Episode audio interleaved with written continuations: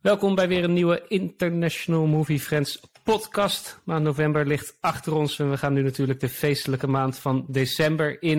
het einde van de uitzending gaan we het even kort hebben over de, de kerstfilm die we zeker weten gaan kijken in deze maand. Maar voordat we aan toe zijn gaan we natuurlijk eerst terugblikken op de maand die achter ons ligt. We gaan het onder andere hebben over de serie 1899. Een serie van de makers van de Netflix-serie Dark. We gaan het hebben over het vervolg op Black Panther, Wakanda Forever. En natuurlijk de finale van misschien wel de beste Star Wars-serie tot nu toe. En door. Mijn naam is Bas. Ik kom vandaag vanuit onze virtuele studio hier in Stockholm, Zweden. En met mij, zoals altijd, Koen vanuit Roemenië en Sven vanuit Amsterdam. Welkom, boys. Goedenavond. Goedenavond. Goedenavond. Hebben jullie ooit wel eens een, een nacht vastgezeten op het uh, vliegveld? Wel als op een treinstation. Volgens mij nog nooit op een vliegveld, nee. Nee? Geen nacht, maar ik heb wel een keer van... Mijn vlucht was om 9 uur s ochtends en uiteindelijk ben ik om 10 uur s'avonds pas vertrokken. En, en hoe vond je dat? Vreselijk, want namelijk Eindhoven vliegveld, wat echt helemaal niks te doen. dat is wat vreselijk, ja. Maar ik heb wel heel veel geld gekregen vanwege een of andere, dat, dat kan al tegenwoordig. Ja. Voor, de, voor het geval dat de mensen die nu luisteren denken, waar, waar gaat dit naartoe en hoe, hoe begint dit uh, allemaal? Ik uh, refereer ja. natuurlijk aan een nieuwsfeitje wat afgelopen maand uitkwam. En dat was dat uh, de man waar de film The Terminal op is gebaseerd. een film die gaat over een man die, als ik het goed heb, 15 jaar vastzit op het vliegveld.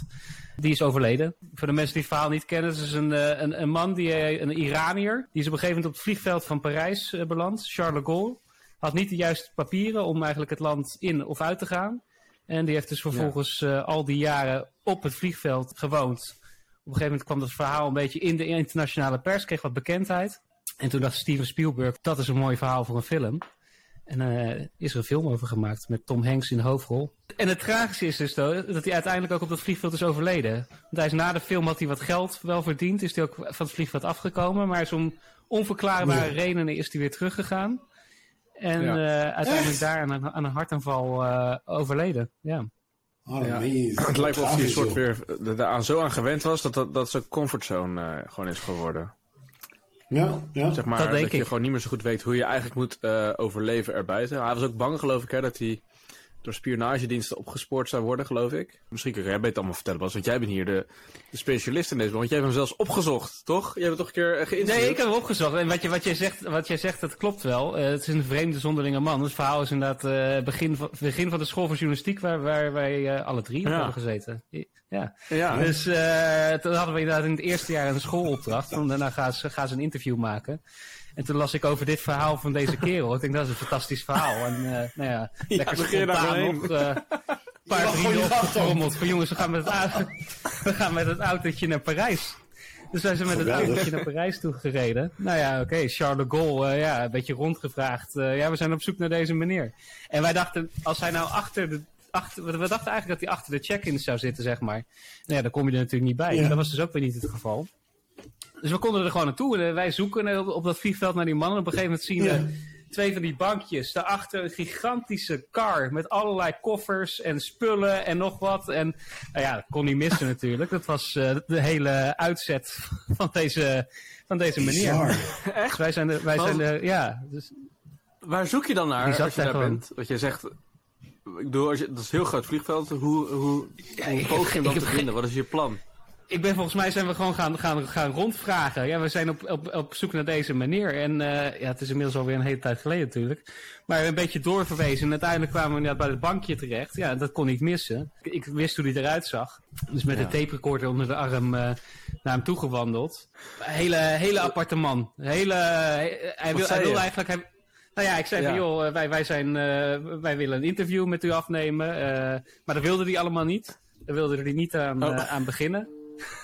Nee. Dus nee. ja, dan ben, je helemaal waarschijnlijk bang van dat deze... hij opgespoord zou worden of zo. Of dat hij dingen zou zeggen die tegen hem gebruikt konden worden. Zo ja, volgens mij wilde hij er geld voor hebben. Zo was hij dan ook alweer. Ja, dat zat volgens oh, mij ook... Ja. oh, heel slim, terecht, terecht. Dus... Uh, ja, terecht. Nee, ja. terecht. Maar ja, dan kom je net de drie arme sloeberstudenten uit Utrecht tegen. Ja, nee, ja, moet ik wel weten waar je naar vraagt. Ja, Wat, wat heb je hem dan wel aangeboden? Een bakje koffie? Ja, volgens mij heb ik inderdaad, we zijn toen op een gegeven moment, hij, no, no, no, I don't want that, no, no, go away. Heel erg nors, heel erg uh, onbeschoft eigenlijk ook gewoon. Nou ja, ze hebben weggelopen, kop koffie gehaald. En toen heb ik, ja, dat is eigenlijk natuurlijk een, een, les nummer één, wat eigenlijk niet mag bij de school voor journalistiek. Maar ik heb gewoon die tape recorder wel aangezet en we zijn terug gaan lopen. Nee! En uh, op een gegeven moment naar naartoe gelopen en een beetje gaan vlaaien. Oh. Was. Een beetje gaan vleien, een beetje op zijn op op eergevoel gaan inspreken. En uh, toen kwam hij op een gegeven moment kwam die lekker los. En toen ging hij babbelen en babbelen. En hij vond het ja. heerlijk om over zichzelf te praten. Dus uh, toen was het ook echt uh, de stop eruit, zeg maar. En nou ja, had, had, had, ik mijn verhaal om daar een stukje over te schrijven voor de school voor journalistiek. Roddeljournalist, riooljournalist Bas van Brecht. precies. Ja, precies, ja. Triest dus, uh, deze, deze meneer is inderdaad uh, over, over, overleden. Uh, dat was een nieuwsberichtje wat mij natuurlijk extra opviel in deze maand. Dan iets anders wat mij opviel in het nieuws van afgelopen maand. Nou ja, het is eigenlijk nog maar een paar dagen geleden. Dat is dat we een nieuwe James Bond hebben. Tenminste, een nieuwe James Bond. De Bullet Train acteur Aaron Taylor Johnson lijkt op dit moment de favoriet om de nieuwe James Bond te worden. Voor degenen die Aaron Taylor Johnson niet kennen. Nou hij was dus recent te zien in de film Bullet Train. Maar hij brak door met de Kick-Ass-serie films. Film die ik ook erg leuk vond. Hij speelde ook in de Marvel-films als Quicksilver. Koen, naam die bij jou een belletje doet rinkelen. Aaron Taylor Johnson. Nou, niet, ja, qua naam moet ik zeggen niet. Maar ik heb de foto's opgezocht, dus ik, ja, ik ken hem wel. Ik zie hem niet zo 1, 2, 3 nu als Bond, maar dat komt ook omdat ik hem een heel ander... Ik kan niet zo heel veel films van hem herinneren, 1, 2, 3. En ik heb natuurlijk mijn favoriet, ik al eerder uitgesproken heb, Richard Madden. Dus wat echt de ideale, in mijn optiek de ideale Bond is. Dus ja, dus als het zou worden, moet ik, moet ik hem even anders zien. Maar misschien is het al een hele goeie. Sven, was jij bekend met deze meneer? Nou, niet super moet ik eerlijk zeggen. Ik heb natuurlijk wel even opgezocht. Voor mijn gevoel oogt hij niet uh, 1, 2, 3 als een bond qua looks. Hij, is, hij ziet er wat 21ste eeuwser uit. Maar dat hoeft niet per se te betekenen dat het geen bond zou kunnen zijn. De 21ste eeuwse bedoel ik een beetje uh, stoppelbaardje, half lang haar. Maar uh, dat betekent niet dat hij niet de charms kan hebben. Hij heeft een glimlach die ik wel weer heel erg James Bond-like vind. En voor de rest, uh, ja, ik ken zijn, zijn filmrepertoire niet goed genoeg om verder daar iets over te kunnen zeggen. Maar jij volgens mij wel, Bas. Ja, nou, ik heb hem dus inderdaad gezien in Bullet Train. Ik moet zeggen, hij spatte daar echt van het doek. Hij, speelde samen met Brad Pitt. Nou, Brad Pitt was in die film echt gewoon weer Brad Pitt. Maar deze kerel, ja, het bleek dus dat ik hem ook al eerder had gezien in dingen, maar het me nooit echt was blijven hangen. Maar bij deze film dacht ik, wie is deze gozer? Wat een geweldig, uh, wat een geweldig uh, talent eigenlijk. Ja, hij, is, hij is inmiddels 32, maar daar speelt hij een beetje, ja, bijna een, een Snatch-achtig karakter. Zo'n Brit met uh, veel te agressief, uh, maar met heel veel humor. Dat deed hij echt geweldig. Dus toen ik dit nieuws las, dacht ik van... Hé, hey, wacht eens even. Dit, dit kon wel eens inderdaad gewoon een schot in de roos zijn. Want wat ik miste een beetje bij Daniel Craig... is dat Daniel Craig heel erg... Vooral heel erg tof was, heel erg cool. Maar niet die typische charme van James Bond had. Die ik wel bij een van mijn favoriete Bonds, Pierce Brosnan, zie. Bijvoorbeeld Sean Connery. En ik denk dat deze kerel, wat jij ook zegt Sven... Dat zeg je denk ik heel goed, met die lach... Dat had hij ook in Bullet Train. Deze gozer kan ik heel goed inderdaad een stoere kerel spelen, maar wel met een, een, een, een ja, hoe zeg je het, ruwe bolster, blanke pit, zeg maar. Gewoon wel met humor en die charme erin gooien. Ja. Uh, meer nog dan bij Richard Madden. Ik vind dat uh, Richard Madden die jij aanhaalt, Koen, uh, de, de, de kerel van Game of Thrones, die um, Stark speelde. Een van de Stark-broers, Rob. die vind ik inderdaad qua looks perfect. Als het dan gaat om die speelsheid, dat weet ik niet of hij dat ook heeft. Dat lossige. Nou, vergeet je even, je hebt toch, uh, heb je Rocketman gezien? In, in, in Rocketman speelt die, heeft hij die speelsheid heel erg goed. Was de sluwe manager van Elton John. Uh, ik weet niet of het speelsheid is. Ik, hij is, hij is heel sluw daar, maar ik vind hem, ik vind hem, niet, ik vind hem niet charmant ja, dat is waar. Dat is speels, zeg maar. Wat Pierce Brosnan en... en... Oké. Okay. Dus ik, ik, ik ben wel heel enthousiast okay. over deze kerel, moet ik eerlijk zeggen. Ik ben benieuwd. Het, het, het, is, het is een gerucht, hè, maar volgens bronnen ligt hij nu. Zou Bar Barbara Broccoli, de producent van James Bond, hebben gezegd dat hij nu op pole position ligt om de volgende Bond te worden. Nou, het, ligt, het past natuurlijk ook wel in lijn met het zal eerder heeft aangegeven dat ze op zoek zijn naar een jonge Bond. Eigenlijk een soort reboot weer, zo voelt het, van het, van het Bond-verhaal. Dat zagen we natuurlijk ook al een beetje terug ja. in de laatste Bond film dat het die kant op zou gaan. Dan gaan we door nu naar een nieuws wat uh, vooral uh, daar volgens mij Koen het meeste aanspreekt. Uh, jou ook wel Sven. Jullie zijn volgens mij allebei wel Indiana Jones fans. Er komt natuurlijk een nieuwe Indiana Jones film aan, begin 2023 als ik het goed heb, maar daar kan jij vast meer over vertellen, Koen. Het enige wat ik weet is, ze hebben nog niet uh, per se een, een, datum gepikt. Ik denk, dat, ik denk zelf dat het mei 2023 wordt. Ik heb, ik heb uh, vandaag nog eventjes wat, uh, wat de first looks gekeken. Ik heb voor het eerst een speech gezien van Harrison Ford met tranen in zijn ogen. Zo praat hij over de film tegen de fans bij de persconferentie. Hij is kennelijk heel erg trots op deze film.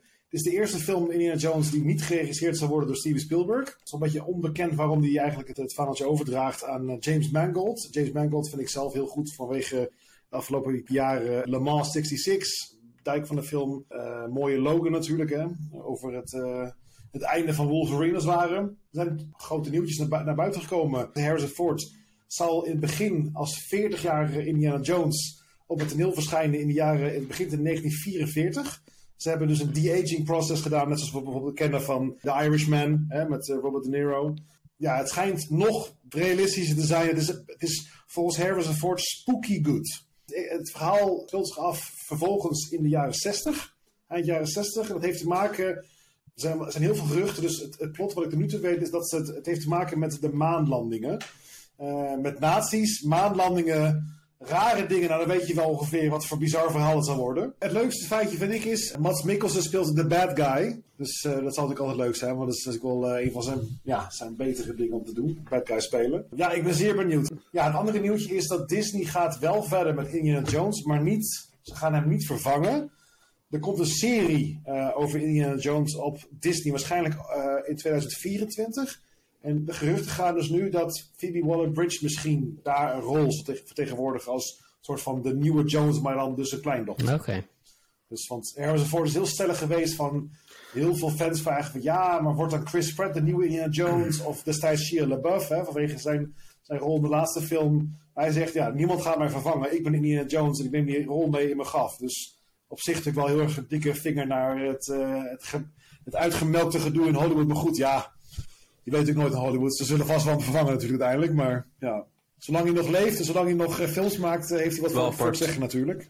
Still, still going strong. Want hij komt binnenkort ook weer met een nieuwe serie, 1923, of een nieuwe film. Daar komen we later in de uh, uitzending nog eventjes op terug. Ja, serie. Is verder voor ja. jou Indiana Jones, deel, ja, Indiana Jones deel 5 iets, iets om naar uit te kijken? Ja en nee. Ik uh, ben ook een beetje huiverig. Oh, uh, ik ben natuurlijk niet, uh, zoals jullie, van de Star Wars gene generatie. Want ik heb Star Wars, zoals de vaste luisteraar weet, niet helemaal meegekregen in mijn opvoeding. of zeg maar gewoon helemaal niet. Um, en daar hebben we natuurlijk vorige keer uitgebreid over gehad. Van is het nou positief of negatief dat Disney er dan is ingestapt. En nu hoor ik ook dat Disney dus Indiana Jones gaat produceren. Ja, dan weet ik niet of ik daar nou heel enthousiast van word. Uh, met het oog op van, ja, dan wordt het sowieso iets wat je 30 jaar later nog een keer gaat proberen. Ik weet niet of dat, uh, of dat gaat werken. Kijk, ik denk dat ik het vet vond toen, omdat het was het nieuw en was het avontuurlijk en was het, uh, op die manier was het een soort van baanbrekend. ja, ik, ik, weet niet of je dat kan nastreven weer nu, dat wat ze toen hebben neergezet. Conversie gaat waar het gaan kan. Hé, hé, hé, daar maakt het ja. heel makkelijk allemaal, hè? Ja, ja. Ik denk dat het gewoon een ordinair uh, uh, blockbustertje moet worden, waarin gewoon uh, geld verdiend moet worden. Nee, jongens, Tegelijkertijd, en dat is misschien een, zijn, een, een, een, helemaal met je eens, Koen, en dan komen we nu misschien eigenlijk gelijk wel op een onderwerp. Als Disney met één serie onlangs heeft aangetoond dat er wel degelijk leven zit in nieuwe franchises, of een oude franchise, dan is het wel Star Wars, jouw favoriet Sven, met de serie Endor. Want dat is nou, nou net een, voorbeeld waarin Star Wars laat zien, of Disney eigenlijk laat zien, dat er wel degelijk toekomst is voor oude franchises. Het leek erop dat ze een tijdje hebben geprobeerd te zoeken waar ze naartoe moeten met Star Wars. Maar ze hebben eindelijk uh, iets gevonden wat door zowel critici als het kijkend publiek enorm gewaardeerd uh, wordt. We hebben het er al eerder over gehad in deze podcast. We gaan het er daarom niet heel lang over hebben. Maar uh, het zit er inmiddels op, deze serie. We hebben de finale gezien. Ik wil even een reactie. Uh, nou ja, Sven, jij bent afgehaakt, geloof ik. Hè? Maar Koen, jij hebt hem wel afgekeken. Uh, wat vond jij van de, de laatste afleveringen zeg maar, van Endor en Endor als, als geheel? Ik moet zeggen dat ik, dat ik de afgelopen twee afleveringen alleen maar heb zitten denken aan had, hadden ze Tony Gilroy maar... Want ja, dit, ik heb Star Wars nog nooit zo gezien.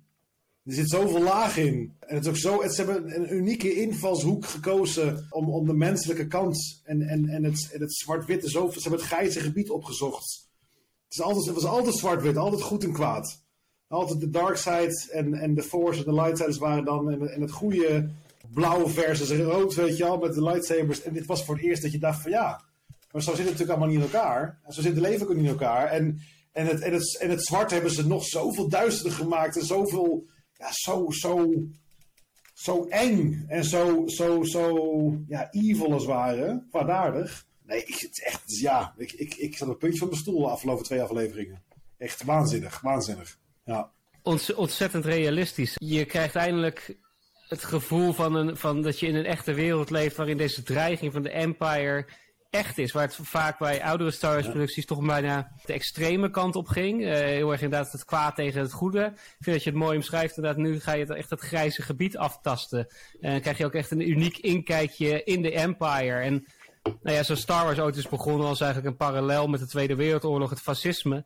Uh, zo zie je nu inderdaad op het moment dat het fascisme de macht heeft gegrepen. En wat doet dat voor iedereen die dan in dat, in dat koninkrijk in het uh, woont, zeg maar. En hoe het invloed heeft op alle planeten en op alle mensen die erin wonen. Ik, ik ja, krijg echt inderdaad heel erg die, die, Tweede Wereldoorlog vibes. Als je dingen ziet als Der Untergang, dat soort films. Dat, dat soort gevoelens uh, krijg, je er, krijg je erbij. Oh. Het, gaat echt, het wordt echt een oh. heel realistisch oh. verhaal. Ook wat ik fantastisch vond, is nou ja, het acteerwerk. Stellen Skarsgård, de man van Zweden. Die is fantastisch in deze, deze serie. De, het setdesign heeft het al eerder over gehad, maar de monologen. Er zitten een aantal monologen in. Dat is echt gewoon next level tekst schrijven, uh, wat je niet gelijk verwacht. Ja. Bij Star Wars. En daar heb ik een fragmentje voor gesolliciteerd. Dat wilde ik je eventjes laten zien. Laten zien waar, waar we van Star Wars zijn begonnen ongeveer, een tijdje terug. En, en dan het verschil met oh, deze serie. je gaat er niet Jar Jar Binks laten horen eerst, of wel? Nou, we, we beginnen met deze. I don't like sand. It's coarse, rough, and irritating, and it gets everywhere. Not like here. Here everything is soft and smooth. Ja, oké. Okay. Dan, dan, dan, dan, dan, dan hebben we deze. Dus dat, is, een scène natuurlijk uit uh, een van de prequels. Nou, dat is fantastisch schrijfwerk natuurlijk. Uh, I hate sand, it's rough and coarse and it gets everywhere. en dan gaan we... Dan gaan we nu naar een scène uit uh, Endor om even het verschil uh, aan te geven. Dan moet u iets zeggen van nou, wat is nou beter schrijfwerk? Dat is eigenlijk een soort testje dit. I've given up all chance at inner peace. I made my mind a sunless space. I share my dreams with ghosts. I wake up every day to an equation I wrote 15 years ago from which there's only one conclusion. I'm damned for what I do. My anger, my ego, my unwillingness to yield, my, my eagerness to fight, that set me on a path from which there's no escape. I yearn to be a savior against injustice without contemplating the cost. And by the time I look down, there's no longer any ground beneath my feet. What is my, what is my sacrifice? I'm condemned to use the tools of my enemy to defeat them. I burn my decency for someone else's future. I burn my life to make a sunrise that I know I'll never see. Now, the ego that started this fight will never have a, a mirror or an audience or, or the light of gratitude. So, what do I sacrifice? Everything! Nou ja, dat is het testje natuurlijk. Ja, ja, welke scène is nou beter geschreven? Hè? Ja, die eerste. Ik bedoel, ja. Wel een stuk duidelijker. Niemand houdt van zand. ja, precies. nee. zand is gewoon verschrikkelijk, ja. Het gaat tussen je binnen zitten, tussen je voeten. Ja, het vreselijk wil. Wat moet je ermee? Ik geloof dat hij helder is. Maar wat, ik heb genoten van deze scène. Ik, die, die zin. Ja. Sunrise that I will never see. Ik, ik weet het precies niet meer. Maar het is, het is fantastisch. Natuurlijk speelt het acteerwerk daar ook een rol bij. Gelouterde acteur als uh, Stellan Skarsgård ten, ten, ten uh, opzichte van een, uh, een jonkie destijds in um, Hayden Christensen. Maar het schrijfwerk was fenomenaal in, deze, in deze serie. Ja, Geweldige serie. En wat dat betreft mogen we hopen dat we... Nou, we weten zeker al dat we er meer van gaan zien. Want er komt het seizoen 2. Al zal het toch eventjes gaan duren voordat die er komt. Ze zijn nu aan het filmen, dus het zal waarschijnlijk 2024 worden voordat we die op Disney Plus krijgen te zien. Maar dat is in ieder geval iets om naar uit te kijken. Waar we ook lang naar uit hebben gekeken, jongens, is, is het de serie 1899, die in november op Netflix terecht is gekomen. Serie van de makers van de Duitse Netflix-hitserie Dark, waar wij alle drie groot fan van, van waren, of in, in meer of mindere mate. Dark werd natuurlijk een wereldwijde hit, nog steeds een van de best bekeken buitenlandse producties op, op Netflix. En 1899 is een serie die gaat over een stel Europese vluchtelingen eigenlijk. Europese vluchtelingen aan het eind van de 19e eeuw die naar, uh, op een schip vertrekken naar Amerika. En uh, nou ja, dat schip, daar, gaat van, van, al snel van alles op, uh, op gebeuren. En allerlei raadselachtige dingen spelen zich af. Ik heb alle afleveringen gezien. Uh, Sven, hoe ver ben jij? Ik ben pas bij twee afleveringen. Ik uh, zit in een periode dat ik even beperkte de tijd heb. Er gaat ook een WK is er aan de gang. En dat vind ik ook wel leuk om te kijken. Dus uh, ik heb wat weinig ruimte gevonden om het te kijken. Maar wat ik tot nu toe gezien heb, is veelbelovend. Nou, dan, dan, dan gaan we cryptisch proberen te, te praten. niet, te veel, niet te veel weggeven. Koen, voor jou, hoe ver ben jij? Ik heb het afgekeken gisteravond. Nou, ik wil echt tegen Sven zeggen, ik zou stoppen als ik jou was. Ja, het is wel... Ik vind het creepy, man. Ik vond het na die tweede aflevering had ik wel even zo'n momentje van. Die was ik, was ik ook alleen uh, thuis. Dacht ik wel, hmm, oké, ik ga nog even iets kijken ter. Even een beetje lucht in de zaak blazen. Even een luchtige, even iets luchtigs kijken. Het is wel echt, het gaat onder je huid zitten. Maar is dat de reden waarom jij vindt dat, uh, dat Sven uh, moet stoppen met kijken? Of is er een andere reden, Koen? Ja, ik zit net te denken hoe ik het dan ga verwoorden. Want Sven wil natuurlijk waarschijnlijk verder kijken. Dus uh, het wordt, oké Sven, het wordt minder zwaar, vind ik. Het wordt minder, het gooit je niet in een hele zware winterdepressie. Zoals Dark wel deed. Dark vond ik veel indrukwekkender. Omdat je ook, ze hebben natuurlijk maar acht afleveringen. Dus je, voor mijn gevoel, ze, ze hebben te veel karakters.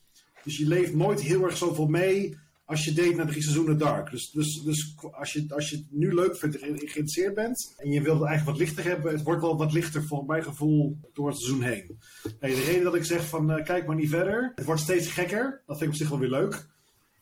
Maar ik ben heel, nou, ik ben heel erg teleurgesteld, moet ik zeggen, ja. Ik, ik deel jouw mening wel. Ik was ook een beetje teleurgesteld, moet ik zeggen. Ik, moet, ik moet zeggen, um, ik ben, heel, ik ben niet heel erg teleurgesteld, want daarvoor zou ik moeten zeggen, ik vond het niet leuk en ik heb me niet vermaakt. Dat, dat vond ik niet. Alleen, ik vind, uh, je gaat natuurlijk met ontzettend hoge verwachtingen ga je erin. En dat zijn de verwachtingen van Dark, wat voor mij een van de beste series van de afgelopen 10, 20 jaar is. Da dat niveau haalt het niet. In ieder geval niet in seizoen 1. Ik heb wel nee. het gevoel van, dat zou misschien nog kunnen komen. Maar achteraf was ik toch, ja, ik merkte toch dat ik wat, wat sneller van, ja, oké, okay, uh, schiet nou maar op. En dat heeft denk ik inderdaad ook te maken met de verbinding met de karakters. Dat te veel karakters zijn. En het deed, me, het deed me ergens ook meer aan Lost denken. De serie Lost, waar ik ook ontzettend van hou dan Dark. Lost is echt een mystery box. Ja. En telkens weer eigenlijk in de eerste aflevering één ander hoofdkarakter centraal staat. En leer je weer een beetje wat van zijn backstory. En ze proberen echt een beetje die storytelling erin te brengen. Waar ik van hou.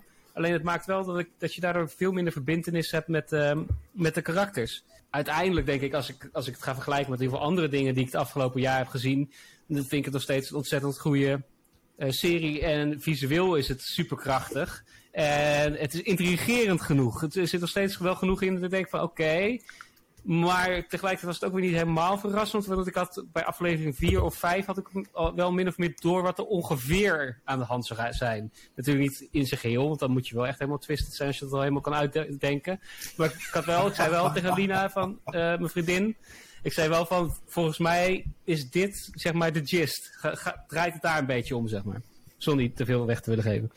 Het was een, ik, vond, ik vond het boeiend. Uh, ik ga zeker seizoen 2 kijken. Dus het is niet, geen, geen ontzettende letdown. Maar het, het, heeft, het is nog niet van het, uh, van het dark niveau wat mij betreft. Ik heb het idee dat het een soort uh, de symboliek van het psychose weergeeft tot nu toe. Maar goed, misschien zet ik wat te hoog in. als ik jullie zo hoorde dat het allemaal teleurstellend is. Maar zo gaf het, dat gaf het voor mij allemaal een beetje weer. Dat het een soort één grote psychose is waar je naar zit te kijken is, is, is niet een hele gekke gedachte, zonder, zonder te veel weg te geven. Maar ja, daarom zeg ik, eh, er zit er zeker wel. Je moet niet denken dat het een hele... Het is, het is wel een diepe serie. Alleen soms misschien maakt, ja. maakt het, maken ze het te complex voor zichzelf. Het lijkt soms wel alsof ze het, het moeilijk maken om het moeilijk maken. Bijna, zeg maar. Oké, okay. Ja. Ja. Voor jou, uh, Koen, stel dat er een seizoen 2 komt, ben je zo teleurgesteld dat je zegt, nou, ik ben eigenlijk wel klaar met deze serie nu? Of ga je seizoen 2 wel kijken? Nou, het grappige is dat visueel gezien vind ik het echt een waanzinnig mooie serie gemaakt. Qua acteerwerk vond ik het geweldig. Ik vond het visueel geweldig. Muziek was erg goed. Uh, alle CGI was erg goed gedaan. Dat, dat, is allemaal echt, dat is echt allemaal topniveau. Dat, dat kan gewoon met, in Hollywood meedoen. Alleen, wat jij zegt inderdaad, heel veel punten ben ik het helemaal mee eens. Ik denk dat het, uh, ik vond het einde, ik dacht dat het één seizoen was en that's it. Dus dan is het einde zonder enige spoilers te geven voor mij, ja, flut moet ik zeggen. Maar als het inderdaad doorgaat, dan kan ik het wel, ook nog wel heel goed snappen. En dan kan het heel leuk zijn inderdaad. Wel heel apart moet ik zeggen, maar goed. Daar kunnen ze dan wel mee merken. Dus dan, ik, ik, wil dan op zich wel wel kijken. Alleen, als je het vergelijkt met de storytelling van Lost. Bij Lost kan ik elke naam van de characters van zoveel jaar geleden, weet ik nog. Hè? Mr. Echo, Kate, Jack, iedereen Charlie. Iedereen ken je nog wel. En van deze mensen, ik heb het gisteravond gekeken en ik weet bijna geen enkele naam meer. En heeft ook te maken misschien met het natuurlijk buitenlandse, uh, uh, Deense, Spaanse. maar ja, ik denk dat dat het grootste probleem is. Ze hebben gewoon veel te veel willen doen in een te kort seizoen, denk ik. waardoor ze zichzelf een beetje kwijt zijn geraakt met de storytelling misschien. En misschien wilden ze het wel te overdreven groots aanpakken. Want ja, visueel is het echt waanzinnig. Maar ja, het verhaal wordt er in mijn optiek nog niet beter van. Maar het, kan, het heeft wel potentie voor een goed seizoen misschien inderdaad. Dat dat, is, dat is natuurlijk wel interessant. Het zijn natuurlijk twee Duitse eh, tv-makers die met Dark eigenlijk een redelijk onverwachte hit hadden. Die hebben nu een gigantisch budget gekregen van, van, van, net, van Netflix natuurlijk. Want ze zagen, hé, hey, dit werkt. Dit zijn twee filmmakers die gaan een budget geven. Dat ze misschien de neiging hebben om te snel overboord te gaan. Dat, dat zou goed kunnen. Op jouw vraag of er seizoen 2 komt. En seizoen 2 is nog niet bevestigd. Er wordt wel net gezegd, nou, dat is bijna onvermijdelijk uh, gezien de cliffhanger. De maker Baran Bo Odor, Odar, die heeft ook tegen Indie, IndieWire gezegd dat seizoen 1 gaat eigenlijk om het uh, neerzetten van een groot thema. Uh, iets heel groots. En dan in seizoen 2 is de bedoeling dat daar een beetje mee gespeeld gaat worden met dat thema. En dat er dan in seizoen 3 een oplossing zeg maar, komt. Dat alles uh, full, full, circle komt. Ja. Eigenlijk net zoals bij Dark, wat ook drie seizoenen had. Dus dat is het oh, idee. Ja. ja. alleen dan hangt het ervan af. Ja, hoe is de viewership natuurlijk uiteindelijk? want net zoals bij, bij Dark, dit is wel een hele dure serie. Dus daar, daar zal Netflix het van af laten hangen waarschijnlijk. Dus dat is, dat is afwachten. We, gaan we gaan het in de, in de gaten houden. En dan ga ik weer een geweldig bruggetje maken. Want namelijk een film die ook uh, bijna leek uh, op, op te houden vanwege nou ja, een trieste reden eigenlijk. En dat is de dood van een acteur die de hoofdrol speelde. Dat is de Black Panther series. Onlangs is natuurlijk deel 2 in de bioscoop ge gekomen van Black Panther. Ondanks het overlijden van Chadwick Boseman die fantastisch de rol invulling gaf in de, in de eerste eh, Black Panther film. We gaan geen spoilers geven over wie nu het pak aantrekt. Voor de mensen die de film nog moeten zien. We hebben de film gezien. Uh, Sven, jij hebt deel 1 in ieder geval gezien. Uh, ja. Koen en ik hebben onlangs deel 2 uh, gezien. Laten we eerst even teruggrijpen naar deel 1. Sven, wat voor indruk maakte die film op jou? Ja, ik vond het wel een verfrissende superheldenfilm. Ik, ik ben niet iemand die, die allemaal kijkt, per definitie. Het is niet per se mijn core interesse. Ik heb Batman natuurlijk wel gezien. Maar ik vond dit toch wel een verfrissend superheldenfilm. In die zin dat het een alle personage is. Een hele andere achtergrond dan de meeste superheldenfilms. Uh, dat, en dat het de storytelling over Afrika, dicht bij de natuur staan en al die elementen die kwamen daar voor mij heel erg positief uh, in naar voren. Dat, uh, dat gaf die film echt een specifieke kleur, vond ik. In combinatie met dat hele moderne, futuristische. ik was op dat moment ook in Korea in de stad waar dat plaatsvond. Over die bekende brug waar die uh, achtervolgingsscène was van Black Panther 1. Heb ik ook gereden met de taxi. Zou je altijd zien dat ik nu niet op die stad kan komen. Ik dacht, ik ga er gewoon heel lang over praten. En dan zegt iemand wel welke stad het is. Maar uh, ik ga het even opzoeken. Dit was een oude, ouderwets trucje. Wat heel veel mensen... Wat eh, Marco van Basten laatst ook uh, bezig was ja. uh, toen hij aan het analyseren was bij Studiosport. Um, Busan of zo. Dusan. Busan. Ja, zie je, ik wist het nog wel. Ja, goed. Nu ben ik al door de mat gevallen. Busan, daar was ik toen ook. Daar heb ik, daar heb ik de film gezien. Dus ja, in de thuisstad van Black, Pan Black Panther eigenlijk. Mm, ja, geweldig acteren van Chadwick natuurlijk. Ik ben heel erg benieuwd eigenlijk wel naar het tweede deel. Juist ook omdat ik goede verhalen heb gehoord over de opvolging en de verwerking van de dood van Chadwick. Uh, dat ze dat echt. Ik vind het heel tof dat makers. Dat hoeven ze eigenlijk helemaal niet te doen. Maar dat toch eigenlijk een acteur die een personage vertolkt. toch willen eren in, in de film. Ik denk dat dat sowieso al heel vet is. Maar dat kunnen jullie beter beoordelen, want jullie hebben dat gezien. Nou ja, het is, het is wat dat betreft, uh, wat, wat ik zelf verfrissend vond, of verfrissend, sterk vond, is dat ze eigenlijk er niet een hele lange aanloop naar, doen, maar het gelijk eigenlijk vanaf het eerste shot is dat duidelijk, weet je, daar maken ze eigenlijk, daar, daar, daar leeft, zeg maar, dus kleine spoiler is dit, daar leeft, zeg maar, uh, het karakter nog, alleen uh, we zien hem niet. En hij gaat eigenlijk al in de eerste scène uh, overlijdt hij zeg maar offscreen. Dus dat is een hele mooie manier ja. om het ja, om, om heel snel zeg maar, naar, naar het vervolg te kunnen gaan. Om daar afscheid van te nemen zonder het helemaal buiten beschouwing te laten. Dus dat vond ik wel mooi. Uh, wat ik over de film in zijn algemeenheid vond, daar kom ik zo eventjes op terug. Want ik wil eerst even van Koen horen wat jouw beleving was. Ja, ik heb heel erg genoten. Ik, ik vond de manier, zonder spoilers te, weg te geven, de, de hele manier waarop ze in de er zijn meerdere momenten in de film waar ze iets doen met Chadwick inderdaad. Het is heel subtiel, het is heel mooi, heel eervol. Echt, echt heel stijlvol vooral kan ik zeggen. Dat is, dat is misschien wel de, mooiste, de, beste omschrijving denk ik. Gewoon heel stijlvol afscheid. Het is natuurlijk wel best wel knap dat je zo'n... Ik, heb, ik vond het gewoon een hele goede Marvel film. En dat vind ik ook knap als je dus je, je main character verliest. En het dan zo oppakt en eigenlijk gewoon een hele goede film neerzet. Ja, nee, goede film. Muziek was weer geweldig. Weer heel origineel. Afrikaanse tinten erin. En, en ja, gewoon heel vet neergezet. Dat maakt de film ook wel echt speciaal. Heel veel dingen wat Sven ook zei met de natuur. Ook nu weer terug met de, de, de bad guy als ware. Die, eh, bad good guy, je weet het maar nooit. Uh, ook erg sterk gedaan. Ja, ik heb echt genoten. Het was een lange film. Het was bijna drie uur volgens mij. Of twee uur en vijftig minuten of zo, zoiets. Ja, het was, het, was inderdaad een, het was inderdaad een lange film, daar ben ik wel met je eens. Dat is misschien mijn enige uh, kritiekpuntje. Dat ik uh, misschien dat er had tien minuten een kwartiertje uitgekund. Er zat één ja. subplot ja. in uh, rondom een zekere wet, wetenschapster.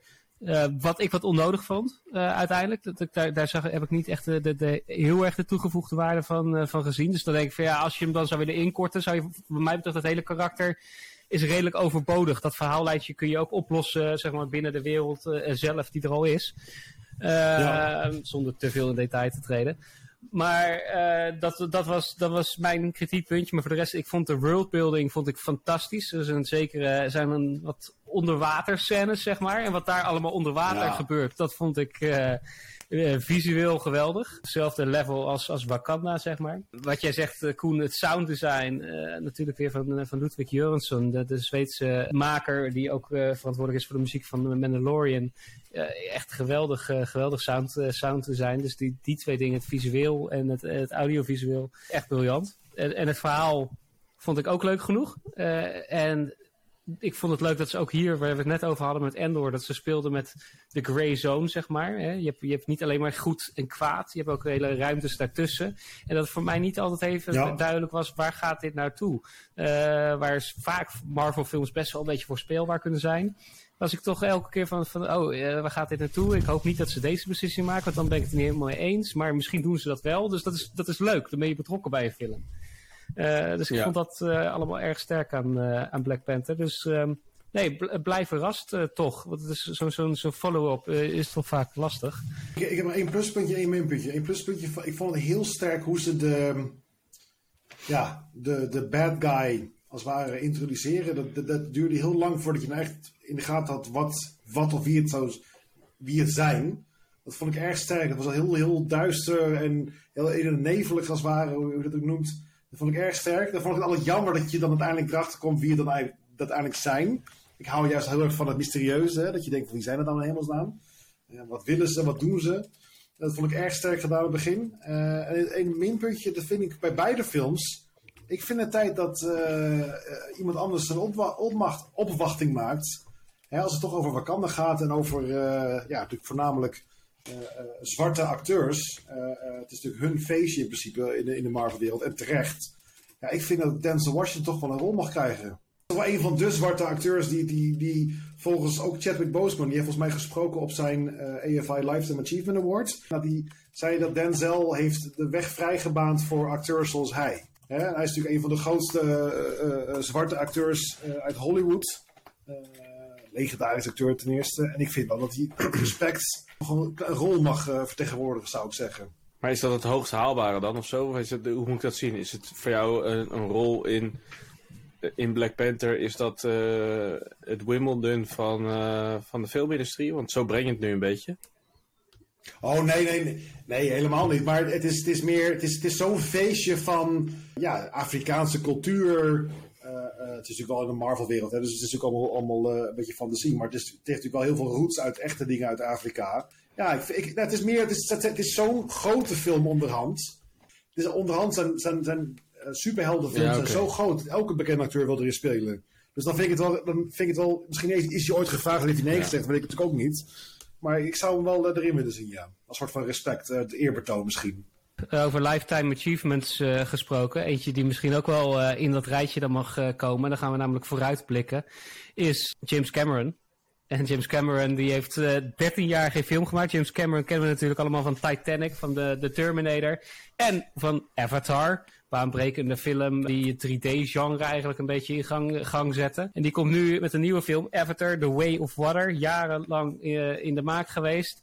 Komt nu 16 december in de bioscoop vervolg op de eerste Avatar-film. Een film met nogal een prijskaartje. Uh, productiebudget van bijna 400 miljoen dollar. Het mag wat kosten. Het moet dus ook wel wat opleveren. In die zin uh, moet het ook wel wat opleveren, omdat James Cameron ondertussen al bij deel 6 en 7 uh, van Avatar aan het plannen is. Dus hij wil er echt een hele franchise van maken.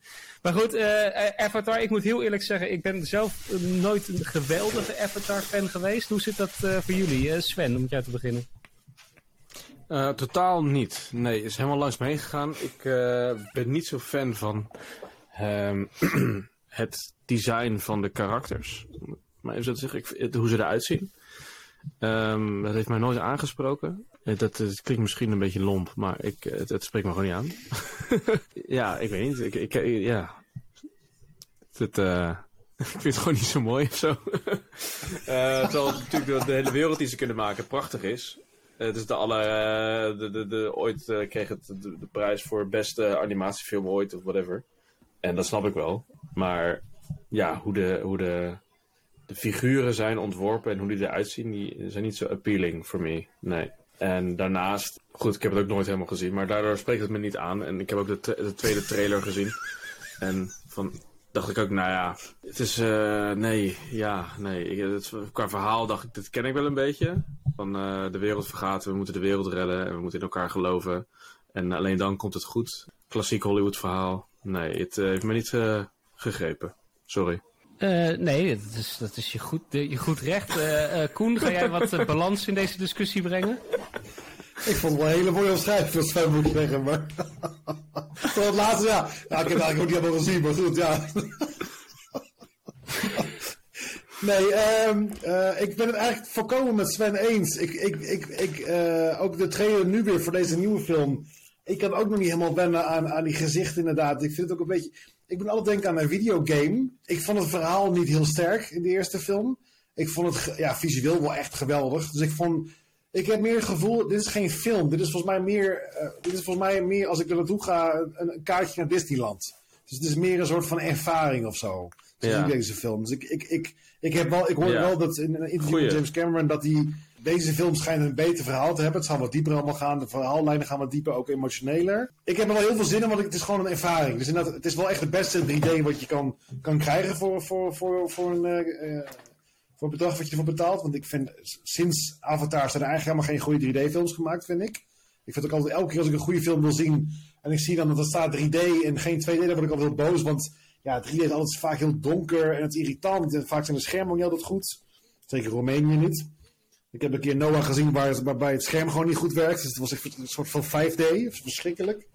Maar, um, dus nee, ik, ik heb er zin in omdat het gewoon, het is een leuke ervaring. Het is een leuke, leuke rit als.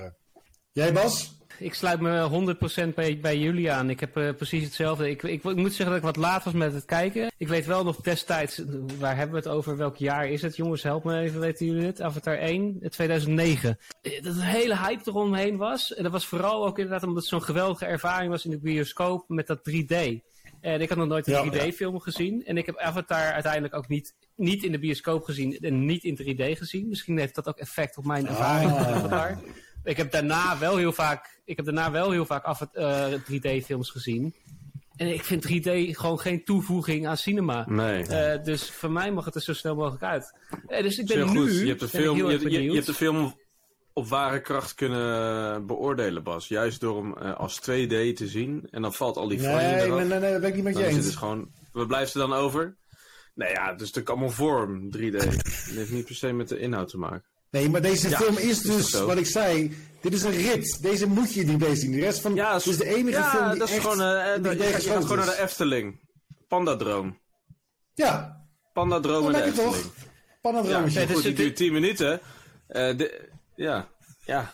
Ik sluit me in deze wel aan bij, bij Sven. Ik vond het verhaal inderdaad niet heel erg, eh, niet heel erg boeiend, eh, niet heel erg sterk. Dus dan is het inderdaad gewoon, ja, ik ben het eigenlijk wel eens met Sven. Een soort karretje waarin je zit en waar je heel langzaam langs wat visuele dingetjes trekt, eh, wat, wat geinig is. Maar meer heeft het voor mij ook niet gedaan. De jongens, volgens mij hoeven we hier dus ook niet, helemaal niet veel langer over te, te praten. We Nee. hebben hier alle, alle drie gewoon helemaal naar de in. volgende. Dus op naar de volgende.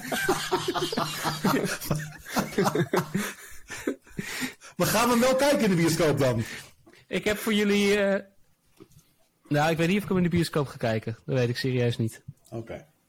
Wat je lekker vanaf de bank kan gaan kijken. Wat denk ik ook wel visueel best leuk gaat zijn. Zo tenminste dat gevoel kreeg ik van de trailer. 1 december, dus als deze podcast eh, online staat, dan eh, kun je hem al kijken. Eh dus de film, een Noorse, de, ik noem het maar de Noorse Jurassic Park of de Noorse King Kong. Zo zag het een beetje uit van de trailer. Het is de film Troll. Nou, ik heb hier heel veel zin Ja. in. Ik, dat lijkt me echt geweldig. ja. Noorse Godzilla, ja. Ja, Ja. zoiets is het. Het is de, even voor de mensen die het niet kennen. Het is, de synopsis is... Wanneer een ontploffing in de Noorse bergen een oude troll ontwaakt... stelt de overheid de onverschrokken paleontoloog Nora aan... om te voorkomen dat de troll een dodelijke ravage aanricht. Nou ja, en ik Ja, moet zeggen, en als volgens- je het in eerste instantie hoort... denk je, wat is dit nou weer? Maar ja, van de trailer... eh, De trailer pakte mij. En de visuele effecten waren eh, best wel geweldig. Eh, het is campy natuurlijk, heel erg campy. Maar volgens mij gaat dit, gaat dit echt een, eh, een leuke beleving eh, worden. De regisseur van deze film is dus Roar Uthaug. En die heeft eh The Wave, onder andere in 2015 eh, gedaan. Volgens mij hebben die alle drie gezien. Over een grote vloedgolf die over een Noors dorpje heen eh, spoelt. Een rampenfilm. Eh, en hij heeft Tom, Tomb Raider heeft hij, eh, geregisseerd. Het laatste Tomb Raider met Alicia Wie- Vikander. wat best een geinige film. Ah. Dus dat is, eh, dat is iets om uit mooie te dame, kijken wat mij betreft. Troll heet die. Ja, 1 december op Netflix. We komen denk ik redelijk richting een einde, jongens. eh, als we met jullie, met jullie goedkeuren. Tenzij jullie nog een, een laatste no- een noot hebben, zoals wel vaker. Ja. Ja, heb ik al. Precies. Ik heb eh, Athena nog gezien. Athena. Franse film. Ja, hij is september al gereleased, dus niet eh, heel erg eh, actueel of relevant. Maar ik haakte er wel op aan, want het was een, een film uit de, die zich afspeelt in de banlieue van een grote Parijse voorstad, in dit geval Parijs. En ehm, vroeger had je La Haine, in de jaren negentig. Vroeger, vroeger. En eh, dat was ook een hele vette film. En ehm, ik dacht, nou, laat deze eens even kijken. Want die is ongeveer op hetzelfde verhaal gestoeld. Ook op drie karakters, in dit geval drie broers. Die eh, alle drie een andere rol hebben eh, in die gevechten tegen de politie. Kort even iets over zeggen. De eerste tien minuten van deze film zijn weergeloos. Als er een Oscar bestaat voor eh, beste openingsscène, dan zou je naar deze film gaan. Maar al met al vind ik de film in zijn geheel wel. Mis je de emotionele connectie uiteindelijk? Ik weet niet waar het hem in zit, maar eh, de karakterontwikkeling is. Daar is minder ruimte voor gemaakt. Het zit er meer in de, in de, in de film als geheel. En, en in, in, in de chaos eigenlijk van zo'n bendeoorlog. Eh, dat hebben ze wel goed weergegeven. Ik vond dan eh, zo'n film als La wel sterker, waarin je eigenlijk met, meer met de karakters, eh, daar meer, die meer uitgediept zijn. En dat je daardoor ook wat emotioneel meer eh, verbindenis aangaat. Maar toch, vette productie, spraakmakend. En ik wil het nog even noemen. Eh, mooie mooie eh, eh, uitbrander. Dit- dit- dit was de laatste voor het jaar, jongens. Dat we zien- elkaar pas in het nieuwe jaar weer. We horen elkaar in het nieuwe jaar pas weer. Dus jongens, ik wil jullie alvast eh, fijne feestdagen wensen. Er staat er nog een filmpje op het programma met de feestdagen? Ja, ik denk dat ik wel The Grinch ga kijken met mijn dochter. Nice. Is ze eraan toe? ja, ze heeft het al een paar keer over gehad en ze heeft al een paar keer een stukje gekeken. Dus het wordt tijd dat we dat nog een keer begeleid gaan kijken. En dan wel de Dr. Seuss uh, variant, uh, die gebaseerd is op het verhaal van Dr. Seuss. Nice. Dus dat is met um, Jim Carrey. Jim Carrey, Carrey? Ja. Ja. Ja. Dus voor jou is de, de Grinch uh, de film of het programma voor december. Koen, voor jou? Ja. Ja, ik heb wel een probleem. Want ik heb uh, voor het eerst in jaren tijd heel veel optreden staan. Wat heel leuk is. Alleen, ik heb altijd een vaste marathon. Ik moet altijd alle Harry Potter films kijken in december. En alle Lord of the Rings extended versies kijken. Dus ik, uh, ik ga denk ik heel veel late nachten bingen. Denk Daar ik, heb je ja. heel veel tijd voor nodig. ja, misschien dan gewoon rondom de kerst. Gewoon echt dan gewoon een dag vrij nemen. Weet je, en dan gewoon alleen maar kijken. Oh, lekker man. En voor jou, Bas? Nee, voor mij, nou ja, ik weet het nog niet helemaal, maar wat ik altijd moet zien uh, met, met de feestdagen is eigenlijk wel Gremlins. Dat is denk ik wel mijn favoriete oh, kerstfilm ja. uh, alle tijden. Ik Ook vind leuk. Dat, dat, dat, hoort voor mij bij, uh, bij het holiday season. Dus zeker, nee, de, de, zeker, de Gremlins zeker. die gaat zeker weer op. Ik ga misschien, fijne, nog, en ik ga misschien fijne, nog een oh, filmpje ja? pakken uit, uit onze, onze YouTube specials die we vorig jaar hebben gemaakt rondom dit thema. Voor de mensen die nu nog luisteren uh, en denken van waar hebben ze het over. Nou, op ons YouTube kanaal staat uh, een hele serie over kerstfilms. De advent uh, aftelkalender van films. En daar zitten er ook nog steeds een paar bij die ik ook nog niet gezien heb. Die jullie getipt hebben, waaronder Kijk. Die Hard. Dus misschien kom ik daar nog wel even aan toe dit keer. Yes. Helemaal goed, helemaal goed. International yes. Movie Friends. Uh, zoek het op YouTube.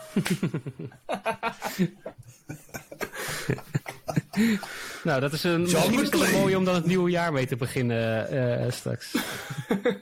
zeker, zeker. Jongens, ik ga hem nu echt afsluiten. Ik, uh, ik wens jullie fijne feestdagen alvast en een gelukkig ja, jaar. Jullie we zien ook. elkaar in 2023. En voor iedereen die luistert, uh, het beste en tot in 2023. Ahoy. Is goed. Tot volgend jaar. Hoi.